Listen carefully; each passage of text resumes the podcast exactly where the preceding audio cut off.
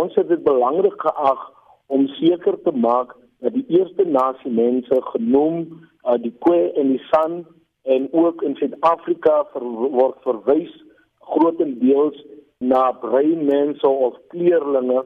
So dit was belangrik dat ons hierdie gesprek beginne uh, met mekaar uh, het onder onsself as 'n gemeenskap maar ook in die belangrik met die nasionale politici en ou ander organisasies soos Afriforum, soos Black First Land First en soos die African Farmers Association of South Africa saam met die menseregte kommissie. So ons het hierdie mense almal genader en ander stemme om saam te kom gesels oor die land wat aan ons voorvaders behoort. Daar was tog 'n onontsie gewees of teenstrydigheid oor wat Black Land First en wat AfriForum gesê het of gedink het van die eerste nasie status van die Kwe en die San. Wat dink jy daarvan? AfriForum byvoorbeeld, hulle is uit en uit deel van die ouens wat bereid is selfs om in te spring en die Kwe en die San volk natuurlik te help met enige area waar waar hulle wel kan inspring en help. Black First, Land First het 'n probleem daarmee gehad. En dit is 'n baie interessante gesprek geweest. Daar's 'n duidelike probleem in hierdie land dat ons as wat genoem word brein mense wat eintlik die saad of die nasaad van die koe en die san is wat nou uh, eenvoudig net een kan geskuif word in Suid-Afrika en Black First Land First het nog nooit enigiets daaromtrent gesê nie. So dit is baie opportunisties om ons platform te kom gebruik en te sê dat Afriforum moet nie die sogenaamde swart mense in die land om onderverdeel nie. Ons stem nie daarmee saam nie. Dink jy nie dit is ook polities opportunisties van Afriforum om nou vir julle te ondersteun nie? Dink jy nie hulle het ook 'n agenda nie want waar was hulle al die tyd? Ons is oortuig dat almal 'n agenda het, jy weet op hierdie stadium. Selfs Afriforum het 'n agenda. Ek dink Kali Kriel het dit baie duidelik gemaak dat hulle self het hulle eie eie interpretasie, hulle eie, eie agenda, hulle het hulle eie ideologie wat hulle be wil bevorder en so aan. So absoluut, elke ou wat nou uitkom en die kwe en die san mense so vaak wil bevorder is absoluut uit en uit uh, opportunisties, want waar was hulle almal heeltyd gewees? Ek dink tog dat van die ouens wil beginne eerlik word. Wat is die verskil en is daar 'n verskil tussen die kwe, die san en die sogenaamde breinmense. Die meeste van ons breinmense in Suid-Afrika, eh, soos Nelson Mandela ook in sy eie boek Conversations with Myself ook aangehaal het, dat die groot oormeerderheid, dis meer as 70% van breinmense in Suid-Afrika is die staat en die nasaat van die koe en die son. En ongelukkig weet hulle dit nie. Daar is nie genoegsame gesprek nie. Die diskurs praat nie uit en uit daarvan nie. Dink jy dan moet dus eers huiswerk gedoen word binne die breingemeenskap want hoeveel breinmense identifiseer met die koe en die san? Die aard van die saak is dat die regering praat die laaste meer as 18 jaar dat die regering met mense soos ons rondom die saak van die koe en die san.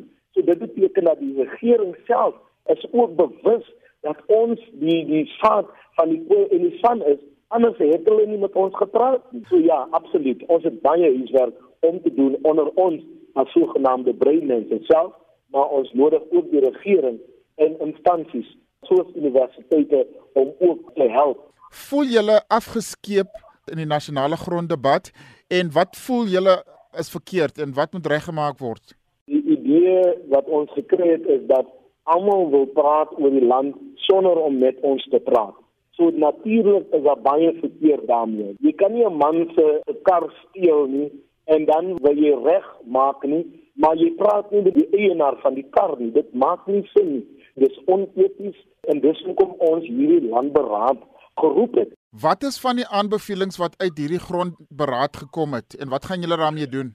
Van die belangrike goed wat moet gebeur is dat die land se konstitusie moet verander word. Ons gaan met samesprekings voer natuurlik met die regerende party, so dit is uit en uit een van die baie belangrike aspekte van die ding wat, ook uit die beraad uit, uitgekom het is dat uh, die konstitusie uh, in spesifiek uh, seksie nommer 25 wat die koe en die san uitsluit in terme van die land moet uh, heeltemal geskraap word want dit hou ons buite en dit sê ons kan nie land kry omdat ons 'n uh, land verloor het oor 1913 ons sê dit is onreg dit is oneties ons kan nie daarmee saamstem nie en daarom sê die landberaad dat uh, daardie gedeelte van die konstitusie moet heeltemal geskraap word die transformasie instrumente soos triple DEE employment equity and affirmative action moet indringend nagekyk word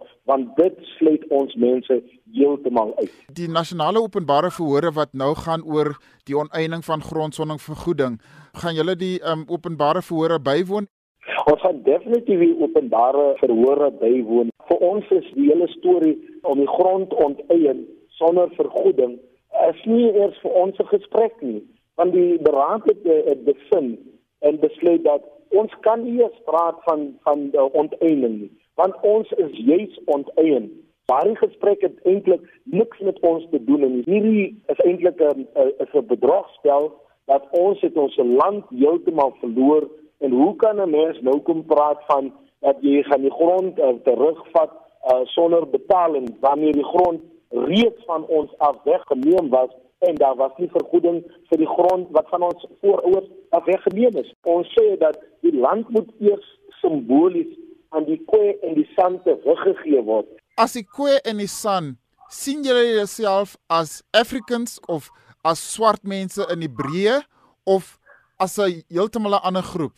Ons stem saam met die hele konsep van Africans of in uh, soos ons dit noem indigenous Africans want ons weet daar's mense onder onsself wat sê die Kwe en die San is nie indigenous Africans nie dan weet ek nie waar die Kwe en San dan wel vanaf kom nie want ons is die eerste indigenous African mense so uh, die eerste Afrika uh, inheemse mense. So 'n mens kan nie sê dat ons nie van Afrika is nie. Ons is van Afrika. Ons is die eerste inheemse Afrikaners So dis belangrik dat ons dit verstaan, dat ons mense verstaan dat Africans beteken nie swart soos dit in Suid-Afrikaan, Suid-Afrika, dit wel die, die geval is nie. Dat Africans beteken dat ons eintlik die eerste inheemse mense van Afrika is. Gegeewe al die teenstrydighede en die debatte wat nou plaasvind en baie groepe wat hulle identiteit wil terugeis, het sy deurgrond kultureel en so aan. Wat dink u lê die waarheid? Wie moet ons glo? Gelukkig is daar baie geskiedenis opnames reg oor die hele wêreld wat baie duidelik praat van wie uh, die Europeërs hier gekry het toe hulle hier aangekom het in die land.